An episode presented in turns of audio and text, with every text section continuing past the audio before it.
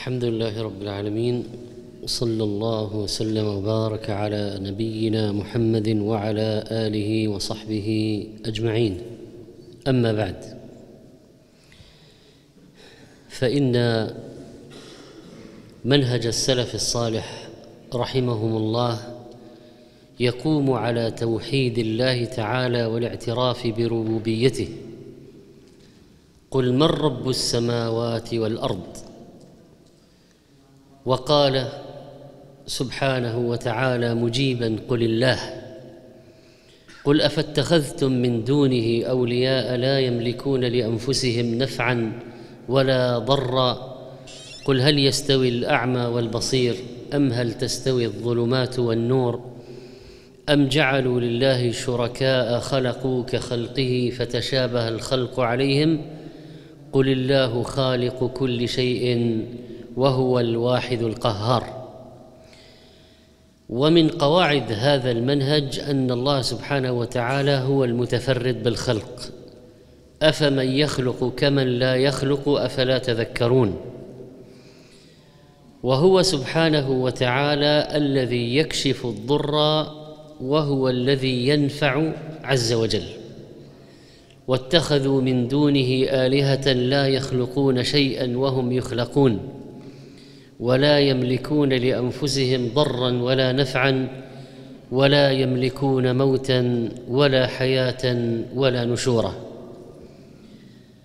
والإنسان عبد مخلوق لا يملك لنفسه نفعا ولا ضرا ولو كان أعظم مخلوق. قال تعالى لنبيه صلى الله عليه وسلم قل لا أملك لنفسي نفعا ولا ضرا إلا ما شاء الله. ولو كنت أعلم الغيب لاستكثرت من الخير وما مسني السوء إن أنا إلا نذير وبشير لقوم يؤمنون. وكذلك يقوم هذا المنهج على أنه لا يعلم الغيب إلا الله وليس أحد يعلم كل شيء إلا الله. قل لا يعلم من في السماوات والأرض الغيب إلا الله وما يشعرون أيان يبعثون. وقال عالم الغيب والشهادة الكبير المتعال وربنا سبحانه وتعالى قدر الأقدار وشاء ما شاء وكتب هذه الأقدار وعلم وكتب وشاء وقدر وخلق والله خلقكم وما تعملون. وجعل سبحانه وتعالى جعل سبحانه وتعالى اليقين مبنيا على أدلة. وأن وأخبر أن كثيرا من البشر يتبعون الظن. ولذلك كانت مناقشات الآيات للكفار تأتي بطلب البراهين والأدلة. لأن الكفار لأن الكفار يدعون ادعاءات كثيرة. فكانت الآية التي ترد عليهم مثلا في اتخاذ الشركاء في العبادة أم اتخذوا من دونه آلهة؟ قل هاتوا برهانكم. هذا ذكر من معي وذكر من قبلي. بل أكثرهم لا يعلمون الحق فهم معرضون. في هذا الزمن نشأت انحرافات كثيرة ومنها وثنيات معاصرة وشعوذة ودجل. دخلت عبر نظريات ودورات ومؤلفات ودخلت عبر وسائل التقنية المختلفة. وهذه الشعوذات العصرية المبثوثة الآن تصادم مصادمة أساسية للعقيدة الإسلامية ولمنهج السلف الصالح رحمهم الله. وبعض هذه الأشياء إذا ما صادمت العقيدة بمعنى أنها شرك أو كفر فهي عبارة عن ادعاءات وفرضيات لم تصل حتى إلى درجه النظريات فضلا عن تصل إلى درجة الحقائق. دخلت على المسلمين وصار لها دورات وصار لها دروس ورواد ونحو ذلك. وبعض هذه الأشياء قد يكون فيها أمور مباحة بعضها مثلا لكن تروج بطريقة كأنها أفضل مما جاء في القرآن والسنة كما تروج بعض بعض طرق العلاج الإيحائية وتضخم وتعمل لها هالات وتنسى وتنسى قضية العلاج بالرقية مع أن العلاج بالرقية عبادة يؤجر عليها الإنسان غير السعي لشفاء نفسه بها هو يؤجر عليها لأن القرآن نزل لأمور ومن ذلك الاستشفاء به وننزل من القرآن ما هو شفاء. فصارت تضخم بعض طرق العلاج النفسي مثلا وبعض الطرق التي جاءت في مثل هذه النظريات ومثل هذه الفرضيات تضخم بطريقة حتى تزاحم الطرق الشرعية. وهذا يذكرنا بقول الله لبني إسرائيل أتستبدلون الذي هو أدنى بالذي هو خير؟ وإذا كانت هذه الطرق بعضها محرم فسيقال لأصحابها ولبئس ما شروا به أنفسهم لو كانوا يعلمون. فبدلا من الطرق النبوية يؤتى بطرق وافدة أجنبية. كما قلنا بعضها مصادمة للعقيدة مصادمة لتوحيد الربوبية بعضها شرك في الربوبية. يعني بعض ما يسمى بقانون الجذب يقوم على أن الواحد إذا ركز بعقله تبدأ الطاقة تتجمع ويستطيع أن يخلق يستطيع أن يخلق يوجد من العدم. هذا شرك أكبر. بل إنك تجد في بعض ما يسمى بقانون الجذب هذا آه، تحويل الإنسان إلى خالق ومتحكم في الكون.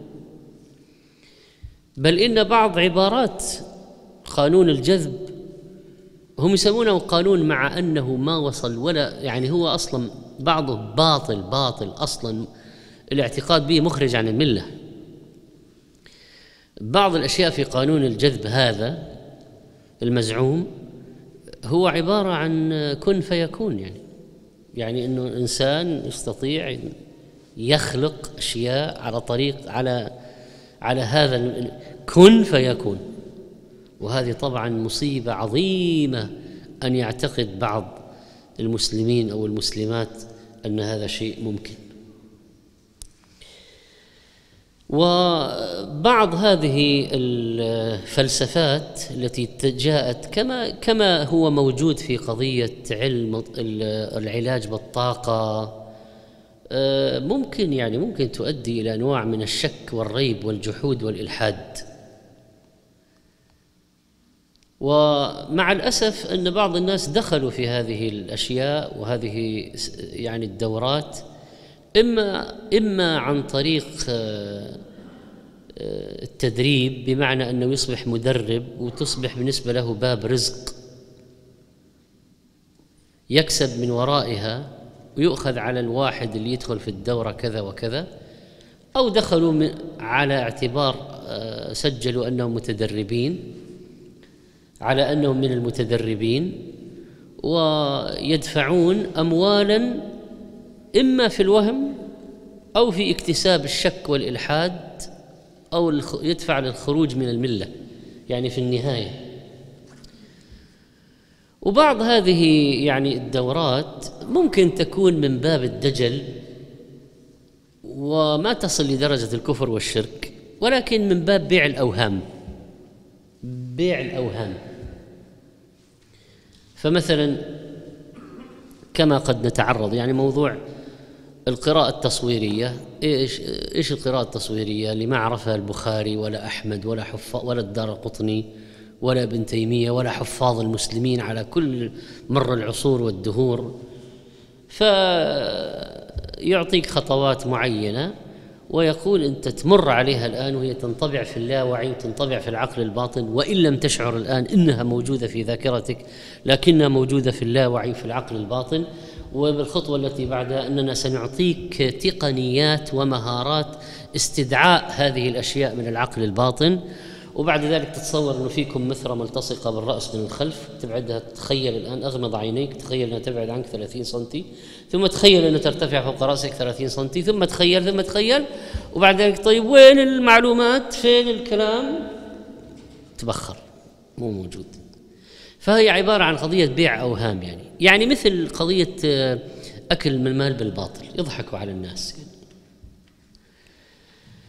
طبعا نحن لا نريد أن نبالغ بحيث نقول ما في ولا شيء صحيح. قد يوجد في بعض أشياء الان ال بي مثلا أشياء صحيحة. وممكن مثلا توجد أشياء يعني مثلا حدد أهدافك حدد أولوياتك. هذه ما هي شرك ولا كفر ولا باطل ولا حرام ولا أوهام. لأن قضية حدد أولوياتك وحدد أهدافك هذه مطلوب يعني من أي واحد في إدارة نفسه وإدارة وقته. أن يقوم بها وهي في الحقيقة ما هي ما هي يعني ليست من الان إل بي أصلا. أصلا هي موجودة في علوم الإدارة موجودة في الإدارة يعني من قبل ال NLP. حدد أولوياتك حدد أهدافك هذه ما هي يعني من اختراعات ال NLP هذه ادخلت فيها. ولذلك بعض الباحثين الأمريكان يقولون إنما سطى هؤلاء أصحاب ال NLP على أشياء من علم الإدارة من عندنا وأخذوه فأدخلوه في يعني دوراتهم وإلا فهو شيء من الاشياء الإدارية أصلا يعني. بعض الأشياء مثلا يعني ما عليها إثباتات وهذه هي المشكلة اللي هي ترويج الوهم. يعني مثلا آه، ال graphology تحليل النفسية من خلال الخط والتواقيع. تحليل النفسيات من خلال الخط والتوقيعات مثلا.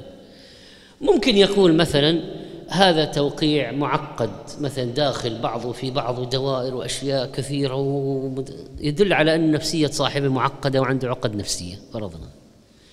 ويجي مثلا على توقيع كذا مثلا خطين سهل كذا مستقيم متوازي فيقول إن نفسية صاحب هذا التوقيع أو صاحب هذا الخط نفسية سهلة وأنه نفسيته منبسطة ومنشرحة لا هذاك عنده عقد وعنده أزمات وهذا مكتئب وهذا منشرح وهذا. بعض الكلام هذا ممكن يصح في بعض الحالات لكن لما عرضوا هذه الأشياء على باب البحث العلمي الحديث في الجامعات الغربية وجدوا أنه في ناس أصحاب توقيعات معقدة نفسياتهم سهلة ومرحة وفي ناس توقيعاتهم سهلة وعندهم عقد كبيرة جدا. فما مشت المسألة يعني ما اضطردت ما اضطردت فصارت يعني هذه الأشياء التي تروج وتسوق يعني ترويج فرضيات ما عليها دليل قطعي ولا تضطرد لا في كل ولا في أكثر الحالات. في بعض الأمور ممكن تمشي مع مثلا العلاج بالإيحاء مثلا. بعض أنواع العلاج بالإيحاء هذا ممكن يكون له أثر مؤثر. قد تمشي بعض الأشياء مع بعض أصحاب النفوس الضعيفة أو العقول الضعيفة أو الأشياء. لكن ما تمشي مع الآخرين ما تمشي مع كل أحد. ليست كل هذه الطرق العلاجية صالحة مع كل أحد. ونذكر بموضوع إنه يجب أن لا تلهينا بعض هذه الطرق ولو صحت ما وإذا كان صحت يعني سواء صحت شرعا وصحت واقعا وأثبتها يعني العلم الحديث أثبتها ما هو فرضيات ولا نظر أثبتها إذا ما صادمت الدين ولا صادمت القرآن والسنة ما في مانع من الأخذ بها ولكن لا تنسى يا عبد الله مثلا قضية الرقية الشرعية وإن هناك ما هو أعلى وأجدى وأكثر أجرا وأجر فيه بين واضح كالرقية بالقرآن. ما هو موقف السلف العام من الوافد العقدي؟ لأن نحن الآن أمام نظريات ودورات وأشياء تأتي تأتي من الغرب أو من الشرق. الأصل عرض كل ما يأتي على القرآن والسنة والذي يبين التعارض أو الموافقة أو عدم الموافقة أو آه، التحريم والإباحة لهذه الأشياء هم العلماء بلا ريب. ولا شك أن العلماء الذين سيفتون في هذه القضايا يجب أن يفهموا ما هي هذه القضايا طبيعة الحال يعني. يجب أن يفهم ما هو ال graphology مثلا قبل أن يفتي في ال graphology شيء طبيعي. آه ونجد أن الميزان الذي كان عند المسلمين يعني وعند السلف رحمهم الله ميزان دقيق يعني. يعني مثلا يأتي إلى أمور الطب فيقول الشافعي رحمه الله لا أعلم بعد الكتاب والسنة أو بعد علم كتاب علم الكتاب والسنة علم أنبل من الطب. لا أعلم شيء أشرف من الطب ولكن أهل الكتاب غلبونا عليه. الشافعي من السلف. فلما يتكلم على قضية مثلا الطب العلم الذي جاء في بعضه آه، من الطب من الأمور من أطباء اليونان مثلا. و المسلمون أخذوا بهذا أخذوا بهذا. ما وجد غضاضة حتى لو كان يعني في ناس سبقونا إليه. أخذوا به وطوروا وزادوا عليه.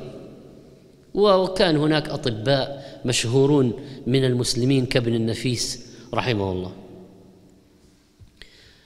ووجد طبعا في زمن آه، أهل الإسلام أطباء زنادقة مثل ابن سينا فهو اسمه محسوب على المسلمين لكنه زنديق من الزنادقة. وإن كان عنده مهارات طبية وعنده إبداعات في هذا المجال يعني لو لو قلت مثلا هناك طبيب يهودي حاذق.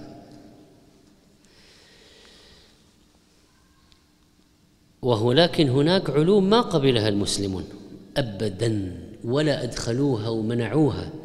يعني مثلا النبي صلى الله عليه وسلم موقفه من الصحيفة التي جاء بها عمر في يده كان موقفا حاسما قويا. أمتهوكون فيها يا ابن الخطاب؟ لو كان موسى حيا ما وسعه إلا أن يتبعني. لما اكتشف المسلمون بعض كتب علم الفلسفة والمنطق وعرفوا إنه هذه ما هي من جنس علوم الطب وعلوم الزراعة وعلوم الهندسة وعلوم الأشياء المفيدة لا. هذه أشياء متعلقة بمصادمات للكتاب والسنة ومن جنس يعني الأشياء العقائد الباطلة.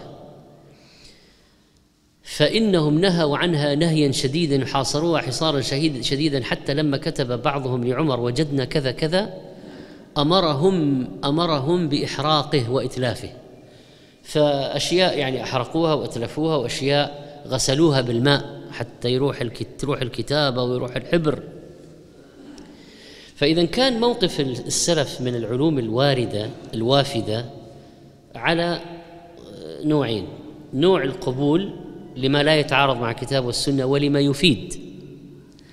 ونوع الرفض والرد لما يتعارض مع الكتاب والسنة. وهذا هو الموقف الذي يجب أن نكون عليه في استقبالنا لقضية النظريات أو الدورات مثلا القادمة إلينا الآن من الشرق والغرب. وكان موقف المسلمين حاسما يعني أمام الأشياء التي وفدت من اليونان من علم الكلام وأضرت ضررا بالغا واصلا ما صار فيه في المسلمين المقتلة والمذابح في قضية فتنة خلق القرآن إلا من جراء هذه الكتب الفلسفية. وهذه الأشياء الوافدة. ولذلك يعني كان موقف الإمام أحمد رحمه الله منها موقفا قويا ومشهورا. كذلك الفلسفات الصوفية الهندية التي جاءت إلى المسلمين من طريق الهند من طريق الهنديات وطبعا اثرت في حرف ناس إلى آه، يعني غلاة الصوفية تأثروا كثيرا بالأشياء الوافدة من الهند. وكشف علماء المسلمين عوارها وكان لرجالهم كشيخ الإسلام تيمية رحمه الله مشاركات كثيرة بسيوف العلم في الصعود المتعددة. ولما قام الفكر الاعتزالي بتطوير المنطق اليوناني ونشأ عن ذلك تقديم الرأي على الوحي كما قلنا قام المسلمون بالتصدي ومما كتبه شيخ الإسلام في هذا كتاب درء تعارض العقل والنقل يستمر توافد الأفكار العقدية المتسللة إلى المسلمين عبر قوالب التنمية البشرية اليوم والحراك الثقافي والانفتاح على الشعوب الأخرى وفتح المجال للإبداع وعبر ما يكون من الكتب والروايات والمنتديات والمواقع والقنوات. يوجد بث للإلحاد والتشكيك وخصادمات للعقيدة الإسلامية في أصول الدين وثوابته. لم ينجو من ذلك شيء حتى ولا توحيد الربوبية الذي كان يسلم به المشركون في الزمن الأول. فنتج عن هذا اليوم أن أصبحت ترى شبابا من المسلمين فتيات من أبن يعني بناء بنات المسلمين عندهم بذور الشك والإلحاد. بل هناك مقاهي للشك والإلحاد وهناك روايات للشك والإلحاد هناك ملتقيات للشك والإلحاد هناك مواقع للشك والإلحاد هناك مواقع التواصل الاجتماعي لأجل هذا. فنحن عندنا الآن يعني أمران خطيران. الإلحاد والوثنيات القادمة عبر قوالب التنمية البشرية. دعونا آه، نأخذ الشق الثاني هذا ونرى يعني ما ما هو على ضوء منهج السلف الصالح. والسائرون على منهج السلف الصالح لا بد أن يقرروا قضية العقيدة الصحيحة وتحريم ونفي الدجل والشعوذة والخرافة والأوهام وأنواع الشركيات الكبرى الشرك الأكبر والأصغر. وتصحيح القلب ألا وإن في الجسد مضغة إذا صلحت صلح الجسد كله. أتباع السلف الصالح اليوم مطالبون أن يكون لهم قصب السبق في التصدي لهذه الانحرافات حتى لا تستمر في الانتشار بين المسلمين. وهذا التصدي يحتاج إلى صبر وعلم ومناقشات وطول بال مع مجموعات الإلحاد. المنتشرة الآن ومجموعات التشكيك آه، التي آه، تقوم والقيام أيضا بعملية التحصين البنائي بغرس المنهج الصحيح منهج التوحيد منهج الإسلام الكامل القائم على التعريف الصحيح المقنع للعقول والمحرك للقلوب من الإيمان برب العالمين وبنبيه صلى الله عليه وسلم وبكتابه. وبهذه الشريعة التي أنزلها وهذه القواعد المنهجية العظيمة التي أرسلها السلف الصالح رحمهم الله استنباطا من الكتاب والسنة. ولا بد أن يكون هناك رابعا تحصين تحذيري بإعطاء بيان واضح فاضح للانحرافات التي تأتي وتأتي تباعا. وهذه وهذا التحصين لابد أن يكون عن معرفة واعية بما هو قادم وما هو موجود وأن ينظر أهل العلم فيه يسبرونه ويعرفون هل هو من قسم الحكمة التي هي ضالة المؤمن أو هو من قسم الباطل المخالف للعقيدة والدين أو هو من قسم الأوهام اللي ما عليها دليل؟ يعني فهي أيضا تنفى وإن كان ليس بدرجة ما هو مصادم مباشرة للتوحيد. الله سبحانه وتعالى حذرنا من إبليس وجنده وأن إبليس يزين الباطل. قال فبما أغويتني لأقعدن لهم صراطك المستقيم. ولأزينن لهم التزيين هذا الذي فيه تجميل الصورة القبيحة ووضع آه، غطاء على المحتوى الباطل والفاسد كي يمر ويسري. ومع الانفتاح الموجود اليوم كما قلنا الانفتاح الإعلامي والانفتاح التقني هذا يعني هذه الآن صارت قضية في غاية الخطورة لأن آه، صار ما يسمى بالثقافة المحايدة إنه يا جماعة لا تدخلوا الدين في كل شيء في ثقافة محايدة. هذا شيء اسمه مشترك بشري مشترك بشري. وكذلك يقال الفكر الجديد أو الحريات. سوقت برامج عبر مؤسسات التدريب المتنوعة آه، يعني يزعمون أنها تقدم فكر وفلسفة فكر وفلسفة وليس دين ومذهب. يعني يقولون نحن الآن وظيفتنا ما نقدم لكم ما لنا علاقة بالدين ما لنا علاقة بالمذاهب.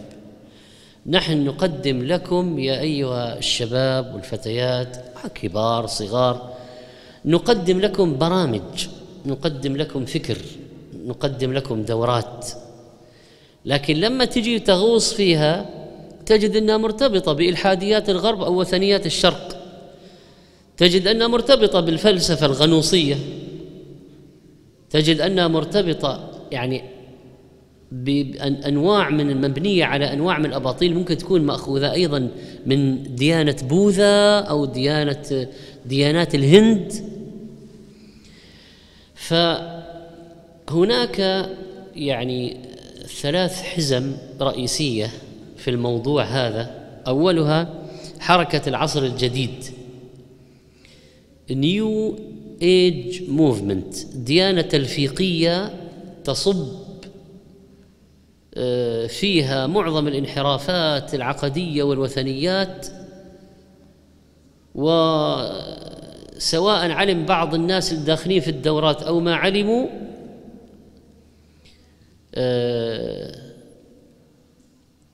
مثل ما هو موجود في قانون الجذب أو في العلاج بالطاقة وسنعرف طبعا موضوع العلاج بالطاقة ما له علاقة بقضية الطاقة الكهربائية أو الطاقة الكيميائية ولا الطاقة الم... لا هذه الطاقة روحانية. هنا هنا المصيبة. ثانيا الإلحاد والشك في وجود الله سبحانه وتعالى. ثالثا السب والاستهزاء والسخرية آه، بالدين. أما بالنسبة لحركة العصر الجديد فهي حركة باطنية معاصرة تشترك في الأصول والفلسفة والمنهج مع سائر الحركات الباطنية لكنها تتخذ أشكالا وتطبيقات تتناسب مع حال العصر. فالباطنية في السابق ومنهم القرامطة والنصيرية والرافضة وغلاة الصوفية مثلا آه، كان لهم طرح معين بأساليب معينة طبعا قائمة في كثير من الأحيان على السرية. آه، العصر الحاضر عملوا نشروا يعني كانت الباطنية تنشر بطرق في السابق. كان لهم دعاة خاصين وعندهم سرية وعندهم مجموعات خاصة. والباطنيه المعاصرة هذه الآن والوثنيات المعاصرة الشعوذة المعاصرة الإضلال فيها قائم على إضفاء قالب أو ظاهر من العلم الحديث يعني كأنه يقول لك المساله هذه فيها تجارب ممكن يعرض لك أرقام إحصاءات بيانات آه، على أنه هذه أشياء يعني دخلت المختبرات وخرجت بنتائج وأنه فيها تجارب وأبحاث وهي في الحقيقة وثنيات لكن لبسوها بلباس العلم الحديث. لبسوها بلباس كيف يعرض العلم الحديث؟ من تعرض الأشياء طريقة العرض. طريقة العرض المبهرة الرقمية. طريقة العرض التي فيها بيانات وأرقام وإحصاءات. لكن هي هي أصلا لما تدخل داخلها هي عبارة إما إلحاديات الغرب أو وثنيات الشرق. فظاهره العلم الحديث وباطنه الدجل والشرك والشعوذة والكفر والوهم والخداع وال وال آه، وال هذه الشعوذة التي لفقت من فلسفات ويعني إذا كان بعضهم قال أنا آخذ يعني من القرآن والإنجيل والتوراة وبوذا وحكم اليونان وإلى آخره نلخص لكم مجموعا من هذا فهل يعني سنقبل به؟ لا يمكن لبس الحق بالباطل ولا خلط الحق بالباطل. ونحن المسلمين ما نحتاج يعني في عالم في موضوع الدين والعقيدة والشريعة ما نحتاج إلى غيرنا. في موضوع الطب والزراعة ومثلا التصنيع والتقنيات أنت تأخذ تقنيات تأخذ أدوية تأخذ آلات تأخذ مصانع تأخذ طرق زراعية حديثة تأخذ. هذه من الحكمة. أما ما يسمى بالروحانيات فنحن والله في غنى عن كل الأشياء التي تأتي تحت هذا القالب ونحن عندنا في الكتاب والسنة ما يغني ولو كان في شيء مفيد ما فرط فيه ربنا ابدا ما فرطنا في الكتاب من شيء. ال ال ال هذه يعني الطريقة هذه الوسيلة وحركة العصر الجديد كما يسمونها تفتح الباب لتشكيل الديانة التي يعني يهواها الإنسان. وربما زعموا أنهم يأخذون من كل ديانة أحسن ما فيها. ويحاولون إضفاء الصبغة العلمية كما قلنا على أنواع من الكهانة والسحر. والتنجيم وصياغة مبادئ مخالفة للشريعة يسمونها مهارات لها دورات تدريبية. و آه، عند من يقدمها يقول نحن نريد الوصول إلى الإنسان الكامل. صاحب القدرات الخارقة الذي يصنع ما يريد في الوقت الذي يريد بالطريقة التي يريد على الوجه الذي يريد بالكيفية التي يريد وهذا فيه أصلا من الذي يستطيع ذلك؟ من الذي يستطيع أن يخلق ما يريد؟ الله سبحانه وتعالى آه، طبعا هذه الطريقة حركة العصر الجديد تقوم على أركان منها الاعتقاد أن الكل واحد فكل شيء هو الإله والإله هو كل شيء طبعا هذا تقاطع مع قضية يعني وحدة الوجود الكفريات السابقة مثل الاتحاد ووحدة الوجود وأن اتحاد الخالق بالمخلوق وأن ما كل ما ترى بعينك فهو الله تعالى الله عن قولهم ولا يفرقون بين الخالق والمخلوق. وهذه الطريقة New Age Movement تقوم على أن الإنسان هو الإله أو جزء من الإله آه، على اختلاف التصورات الضالة لديهم. وأحيانا يقولون كلمة المطلق والكلي والوعي الكلي والعقل الكلي والطاو والقوة العظمى وهي شيء واحد في النهاية هي تقوم على أنه خلاص هي هو كل شيء هو الإله. لكن ما اسمه؟ يعني تحت أي اسم يقدمونه؟ أحيانا كما قلنا العقل الكلي الوعي الكلي الطاو القوة العظمى. وأن وأن يعني في بعض هذه النظر الفلسفات إنه الإنسان لا يموت ولكن يدخل من يعني يطلع تطلع روحه تدخل في روح واحد تدخل في جسد واحد ثاني تطلع منه الروح تدخل في جسد واحد ثالث وهكذا من خلال التقمص والتناسخ. وتقوم أيضا على اعتقاد أن الإنسان يخلق واقعه الخاص وقيمه ومعتقداته ويحقق كل مراده. ومن أخطر اعتقاداتهم التي يخفونها أن الغيبيات يعني مثلا الله والملائكة والكتب والرسل اليوم الآخر لا تتعدى أن تكون تصورات ذهنية بحتة لا وجود لها في الواقع بس في الذهن.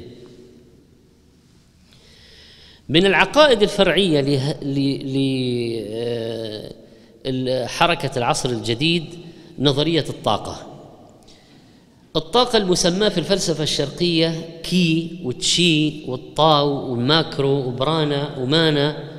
وفي الفلسفة الغربية الروحية وبرامج العصر الجديد تضاف لها أشياء أخرى آه، يعني من ضمن الألفاظ الخادعة مثل قوة الحياة الطاقة الكونية. لاحظ ترى كلمة قوة الحياة والطاقة الكونية الموجودة في هذه الدورات هي هي هي هي آه، الطاو والبرانا والتشي وال يعني الشيء الذي يعبر به الشرقيون عن المتحكم في الكون. آه الذي يعني هم يريدون تقمصه والوصول إليه في النهاية. وهذا ما له علاقة بالفيزياء ما له علاقة بالكيمياء ما له علاقة بهذه الأبحاث أو يعني أقصد العلوم الحديثة المفيدة. علما أنه في أشياء فيزيائية قديمة وطوروها وكيميائية قديمة وطوروها نحن نعرف هذا. يريد أصحاب New Age Movement هذه أن يوجدوا ما يقابل الإله في الاعتقادات الأخرى. وأن المتدرب الداخل في هذه الدورات لابد أن يؤمن به, به وأهميته وقوته وأن يحاول أن يستمده وأن تتشرب نفسه به وأن يتحد معه ويتقاطع معه. ولذلك يقولون لك مثلا في الدورة أحيانا لازم تتحد بالكلي ركز واتحد بالكلي طيب وأحيانا يجعلون أسماء متعددة مثل ال macro. مثل قضية ال macrobiotic هذه اللي هو العقل الكلي. يقول أنت الآن أنت الآن أنت تدخل معي في الدورة وراح أعلمك أنواع من التركيز والتخيل بحيث تتحد بالعقل الكلي حتى تخلق ما تشاء وتفعل ما تشاء إلى آخره. قضايا خطيرة جدا. هي هذا هذا هذا هذا هو إخراج المسلمين عن دينهم. وأحيانا طبعا العقل الكلي هذا الموجود عند الفلاسفة الإغريق أحيانا يقولون الوعي الجمعي أو حركة الوعي. فلسفة الطاقة الكونية المستمدة من أصل الفكر الفلسفي الذي يفسر الوجود والكون والحياة والإنسان بعيدا عن الوحي تماما وتمثل هذه الطاقة الكونية عند معتقديها القوة المطلقة في الكون ويعدون استمدادها والتناغم إنه الآن الآن الجو والكون كله طاقة. كله طاقة وأنواع من الطاقة وفي مسارات للطاقة وحركة للطاقة وشغلنا الآن نعلمك كيف تستمد من هذه الطاقة لتفعل ما تريد وتتحد بالطاقة وتمثل الطاقة الكونية عند معتقديها القوة المطلقة في الكون ويعدون استمداد منها والتناغم معها هو السر في الوصول إلى إيجاد الأشياء كما تريدها يا أيها المتدرب أو الداخل في الدورة أو المنضم إلى هذه الحركة. ويرون أن من فوائدها صحة البدن وعلو الهمة وتحسن الأخلاق وقوة الوعي وأن تصبح روحانيا تجنح للتسامح والحب ثم تصل للنيرفانا والخلود إنه ما عاد في موت خلاص. طبعا هذه الآن دورات يدخل فيها شبابنا وفتياتنا وتمشي. آه، ممكن يعني من باب المخادعة أن تلبس ببعض الألبسة الإسلامية أو شعارات يعني يمكن أن يضعوا لها بعض التوابل التي تجعلها تسلك مع الناس الذين عندهم آه، علمهم قليل أو خلفيتهم العقدية ضعيفة. ويقولون هناك طاقة ذبذبية موجودة في الكون وفي كل الكائنات لا نهائية ولا محدودة لأن مصدرها من اللا محدود اللي هو هذا الكلي الكلي. وطاقة قوة الحياة المتجسد الحياة في الكائنات المتجسدة. فممكن يجي بعض المسلمين مثلا يبغى يدرس أو يدخل في هذه الدورات فيقول الكلي هو الله خلصنا حليناها.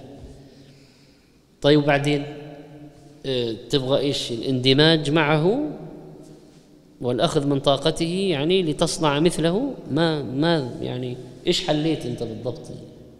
لما قلت الكلي هو الله أو العقل الجمعي أو الكلي هو الله إيش حليت أنت؟ ماذا فعلت يعني؟ وما هي النهاية؟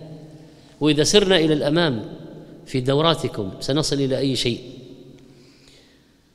تقدم الفلسفة هذه باسم الطاقة وتسميتها بالطاقة نوع من نوع من التلبيس لأنه كلمة طاقة كلمة في الظاهر كلمة يعني علمية مثلا الطاقة النووية الطاقة الكهربائية الطاقة أنواع يعني أنه هذه. فهذا التلبيس والتضليل بإعطائها اسما علميا حديثا وهي عبارة عن عقيدة باطلة كفرية. هذا إيهام. وتدليس على الناس. ويقولون لك إحنا ما لنا علاقة بالدين. ما لنا علاقة بالدين. وهم يقدمون دينا في الحقيقة. كما أن تقديمها بأسمائها الأصلية في لغاتها الشرقية مثل الريكي والتشي كونغ والسياتشو والفونغ شوي والشياتسو والتايشي واليوغا وغيرها يجعل بعض الشباب والمراهقين مراهقات ينجذبون إليها. أوه ما ما هذه ما هذه الريكي تشيك يعني يظنون يعني إيش الآن يعني هذه هي آه، الإنجاز العظيم وهذا إيش الفونغ شوي أنت معك تشاتسوي وأنا يوغ أنت إيش تاي؟ هذه في الحقيقة أيضا نوع من الترويج والتسويق. ومن أشهر مروجين أو مروجات هذه الفلسفة الإلحادية الدجالة المسماة مريم نور ومن أخطر الشخصيات التي تعرض هذا في القنوات الفضائية وفي الكتب والمواقع وفي بينه وبين بنات المسلمين تواصل وكلام ودورات وزيارات وأشياء. وطبعا فيها دفع فلوس. هذا ما تقدم هذه أيضا. فهو عبارة عن يعني يبيعك الكفر بالمال يأخذ مالك ويبيعك الكفر. ثانيا فلسفة الأجساد السبعة وخصائص الجسم الأثيري التي مفادها الاعتقاد بوجود أجسام سبعة لكل الكائنات ومنها الإنسان أولها الجسم البدني وأهمها الأثيري. ويقع على هذا الجسد جهاز متكامل يمكن تنفيذ من خلاله أن تنفذ من خلاله الطاقة الكونية للجسم البدني وسائر الأجساد لتمنحه السعادة والصحة والقوة وتكسبه الحاسة السادسة التي تمنحه القدرات الخارقة التي تؤدي إلى أن يخلق الأشياء متى متى ما أراد وكيف ما أراد وبما وعلى الوجه الذي يريد. سوق الدورات اليوم صار زقاقا يعني في كل زقاق دورة في كل ناصية دورة في كل تفتح دورة دورة دورة مدرب مدرب محترف مدرب متقدم مصطلحات صاروخية لكن من من هؤلاء؟ أي يعني على الأقل أعطونا حقا أعطونا حكمة أعطونا شيئا صحيحا. إحنا ما عندنا مانع نتدرب ما عندنا مانع نتطور. نحن نريد التطوير. نحن نريد التدريب. نحن نريد التمرين. نحن نريد أن نحسن مستوانا. نحن نريد أن نرتقي. بس يا جماعة على أساس صحيح أعطيني شيء لا يصادم العقيدة لا يصادم التوحيد. لا تعطيني شيء شركي وكفري. أنا أغ... نحن أغنياء عن هذا. التطوير والتدريب القائم على الشركيات والكفريات. تقرأ في الصحف إعلانات غير حياتك تخلص من القلق تملك النجاح سيطر على العالم من حولك. وإيش اللي يسيطر على العالم من حولك؟ إيش معنى يسيطر على العالم من حولك؟ هو الله. من هو الذي يسيطر على العالم؟ هو الله. وكذلك عبارات متضخمة مملوءة بالهواء الساخن لا أكثر يعني. وأغلبهم ممن لا يمتل يعني بعض هؤلاء الذين يسوقونها في شهر يتيم. وربما يقدمون مقدمة طبعا يعني تبدو في الظاهر إنها منطقية أو تبدو إنها مقبولة تبدو إنها فيها يعني آه، أشياء مفيدة. ولكن عندما يغريك ويقول وسنعلمك لتصل إلى درجة كذا وحتى تستطيع أن تمشي هذه قضية ترى حتى مسألة المشي على الجمر والمسامير والأشياء التي فيها يعني هذه بدايات يعني بدايات لأشياء ستأتي بعدها. آه، ويستغلون أوجاع الناس. يعني مثلا تشوف الدورة هذه حتخلصك من الألم. الدورة هذه حتخلصك من آه، الاكتئاب. الدورة هذه حتخليك تحل كل مشاكلك الزوجية واللي الوظيفية واللي مع زملائك واللي مع أقاربك واللي مع كل.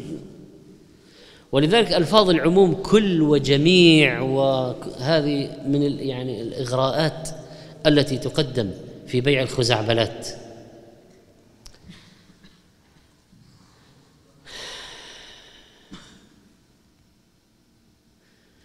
و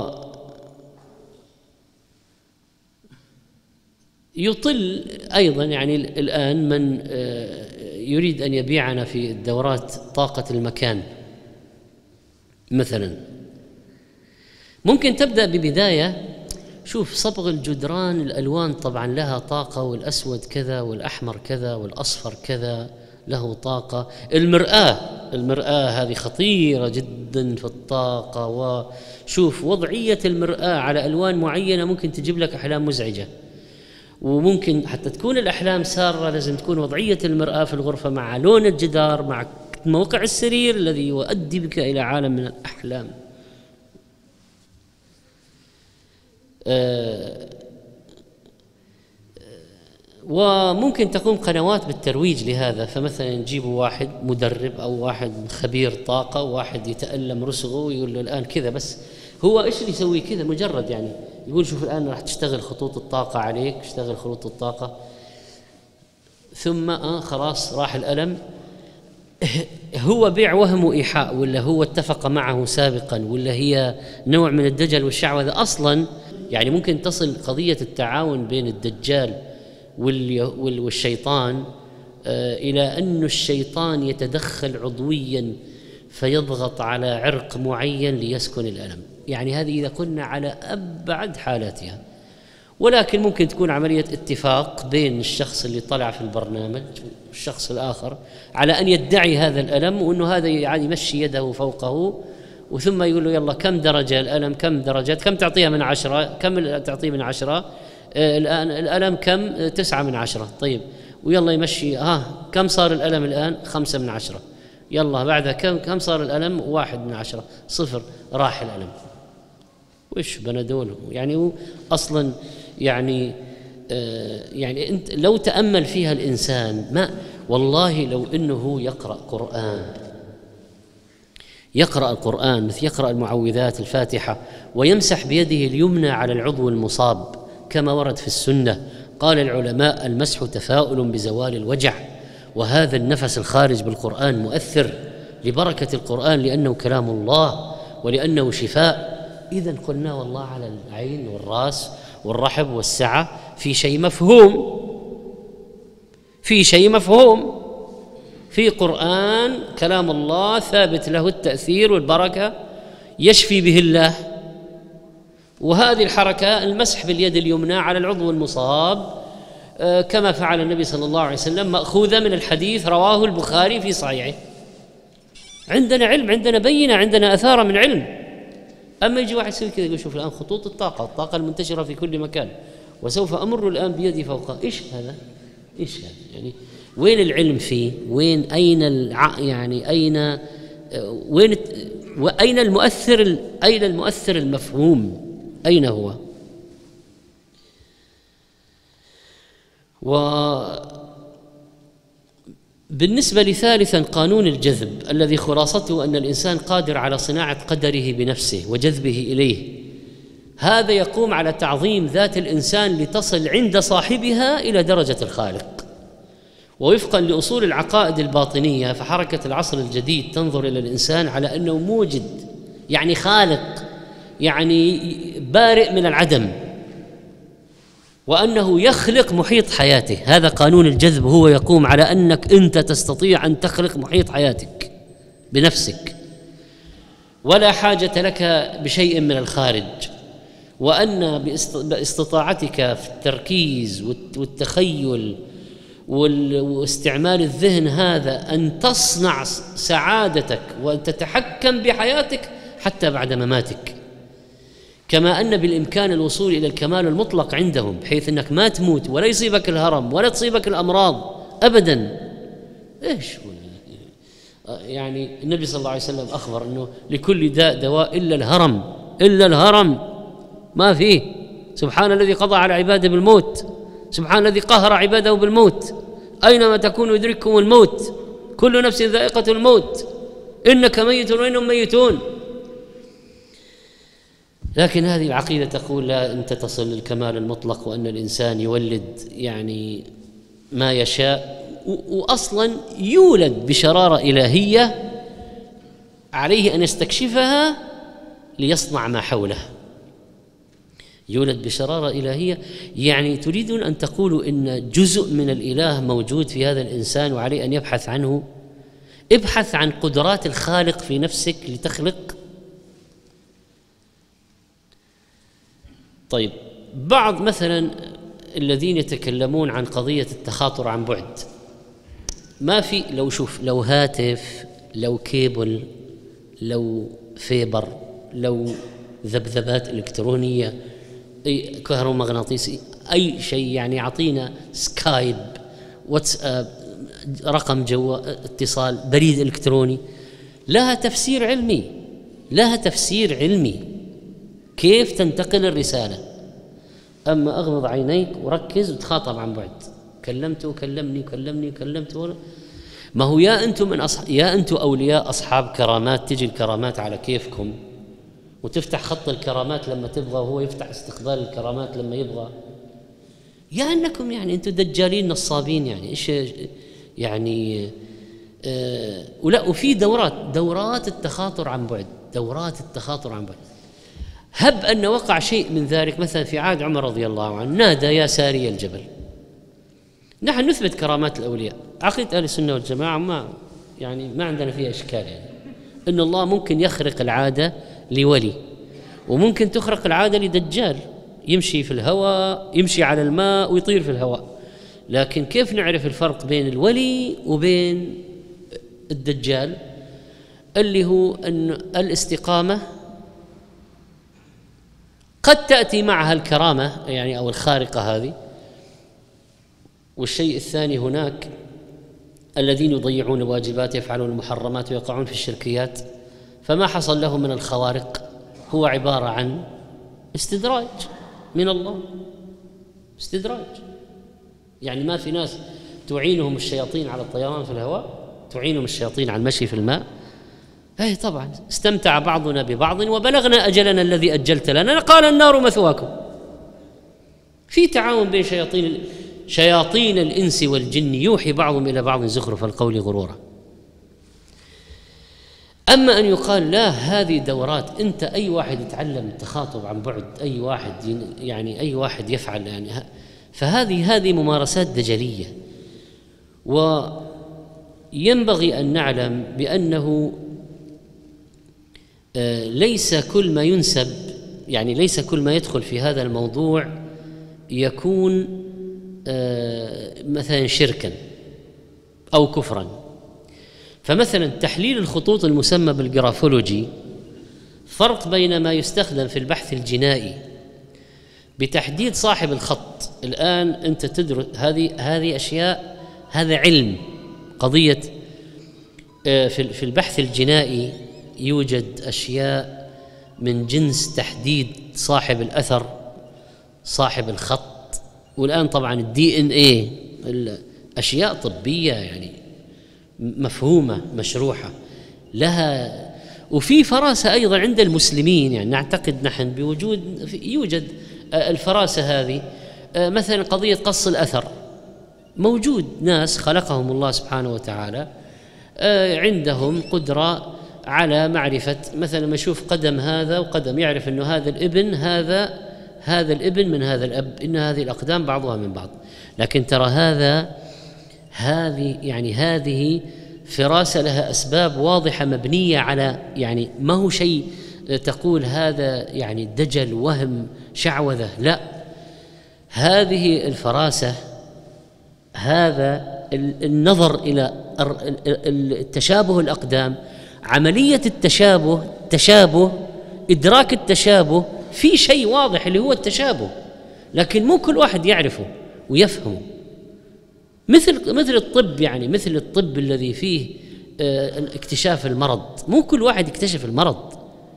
بس المرض هذا له جراثيم بكتيريا فيروسات أشياء واضحة مسببة. و آه، ممكن يعني أحيانا اذا يعني تساهلنا في قضية معرفة الخط إنه خط والتوقيع يقود في تحليل النفسيات إلى آخره إن تقول لي والله نفسية منغلقة ونفسية منفتحة ونفسية معقدة ونفسية سهلة منبسطة ونفسية. هذه لو مشيناها مع إنه ما ثبتت علميا كما قلنا ما ثبتت لا عند الأمريكان ولا عند الأوروبيين ولا عند الروس ولا عند غيرهم كما قلنا. في تواقيع معقدة وأصحابها نفسياتهم سهلة طلع. وفي تواقيع سهلة وخطوط سهلة ومنفتحة ومنبسطة وشكل الصاد وشكل الفاء وشكل الميم وشكل الهاء. سهلة وطلع. أصحابها معقدين جدا. ما ما اضطردت المسألة. لكن لما تصل القضية إلى درجة أنه يقول لك الخط هذا شوف هذا الخط هذا صاحبته عندها مشكلة زوجية. آه يعني آه هذا صاحب الخط هذا صار له آه حادثة تحرش جنسي لما كان عمره عشر سنوات. هذه خلاص أنت تعرف على طول خلاص دخلنا في الدجل والشعوذة. وافترض أنه بعض الجن والشياطين يخبرون بعض هؤلاء بأخبار المراجعين والمتدربين أو اللي يجونهم على أنهم مرضى أو مراجعين. طيب خبر من الشيطان ليضل به بني آدم مثل ما ينطق ال يعني ال الجن الشيطان استراق الخبر من السماء وإلقائه إلى الأرض ويأتي عليه هذا يخلط معه 99 كذبة. ولا زال الناس يتذكرون المرة الواحد في المية التي كانت صح وينسون الباقي. ولذلك أنا كنت أقول أنه ما هو كلها شركيات وشعوذاء وشركيات وكفريات لكن بعضها أوهام يعني شيء ما عليه دليل يبيعك الوهم. وبعضها كما قلنا ما هي شركيات وكفريات لكن فيها مبالغات واضحة جدا يعني. دورة حفظ القرآن الكريم في ثلاث أيام. في أحد يا جماعة يعرف واحد دخل دورة من هذه؟ وحفظ القرآن في ثلاث أيام. بعدين أستغرب يعني في عندنا في التاريخ الإسلامي في يعني مثلا الامام البخاري وينه عن هذه الدورة يعني؟ ليش ما الشافعي يعني كي كي أين هؤلاء يعني عن وذاك لما تيجي واحد واحد يطلع لك يقول لك شوف حفظت 18 جزء في يوم. انت آه، انت اقرأها واغمض عينيك واسردها ثم فتح عينيك واقرأها واغمض واسردها وفتح عينيك اقراها وثالث اسردها شوف الثالثه الآن اتخزنت في العقل الباطن اتخزنت في اللاوعي خلاص في السكانر الداخلي مخزنة جوا. صارت PDF. حنطلع حن... باقي قضية الاستدعاء الاستدعاء. إحنا حنعطيك تقنية نعلمك تقنية الاستدعاء. إيش اللي آه، مجموع الفتاوى في ثلاث دقائق؟ جماعة يعني معليش هو يعني يعني قراءة تصويرية. يقول لك طيب هيئ لنفسك جو القراءة المناسب. ماشي. الوضعية المناسبة. ماشي. في أوضاع مثلا يصير واحد مرتاح في القراءة. لكن لما يجي يقول تخيل كمثرى أسفل رقبتك ترتفع 30 سنتي وتثبت كذا. أنت الآن شوف أنت لما تخيلت الآن كمثرى راحت 30 سنتي وطلعت 30 سنتي أيوة يقول أنت الآن صرت جاهز للقراءة التصويرية. لأنه السكانر صارت فوق الآن. الآن بس افتح افتح افتح ورا بعض. طبعا دورات تحليل الشخصية الآن في بعضها كما قلنا زي البحث الجنائي يعني في أشياء صحيحة في أشياء صحيحة. الحين لما نتكلم على قضية حسي وسمعي وبصري. صحيح في ناس يعتمدون على السمع أكثر في ناس يعتمدون يعتمدون على البصر أكثر في ناس يعتمدون. لكن الإنسان ما هو آلة؟ لا تصور لي من خلال الدورة أنه الإنسان روبوت. الإنس طيب في واحد عنده تدا يعني عنده السمع والبصر والحس كلها تشتغل. اللي عنده امتزاج هذا إيش هو؟ يعني لا لا تطلع إنه لا تتعامل مع الإنسان على إنه هو آلة سمعي فقط بصري فقط حسي فقط. طيب في ناس عندهم تدا امتزاج تداخل في هذه الأشياء. واحيانا يقول شوف دورات تحليل الشخصية هي تساعدك على اختيار الصديق الصداقة المناسبة الشراكة المناسبة الزواج كذا. أنت تحلل تحلل شخصية مديرك عشان تعرف تتفاهم معه تحلل شخصيه شخصية الخاض مخطوبة تعرف إنه هي تصلح لك ولا ما تصلح لك. تحلل شخصية الحين الحين بعض الأشياء هذه صحيحة فيها حكمة يعني. أنت ممكن مثلا تعرف الشخص المتردد من الشخص الجازم الشخص المتحير من الشخص يعني في علامات ما في شك يعني أصلا الطب النفسي في كثير من هذه الأشياء. لكن لما تدخل إلى قضايا باطنية أو أشياء من عالم الغيب سيحدث كذا أو أشياء صارت من عشرين سنة ما يعرف بها إلا صاحب الشأن أو من حوله أو القرين الجني يعني. فهذه ما لها دخل هذه ما هي تحليل شخصية. هذه كهانة وعرافة بقالب جديد وثوب عصري. بس. يلبسون أحيانا ثياب الفراسة لباس العلم دراسات الاستقرائية المنطق. وممكن قد تكون تنجيما وقد تكون خرافة وقد تكون وهما.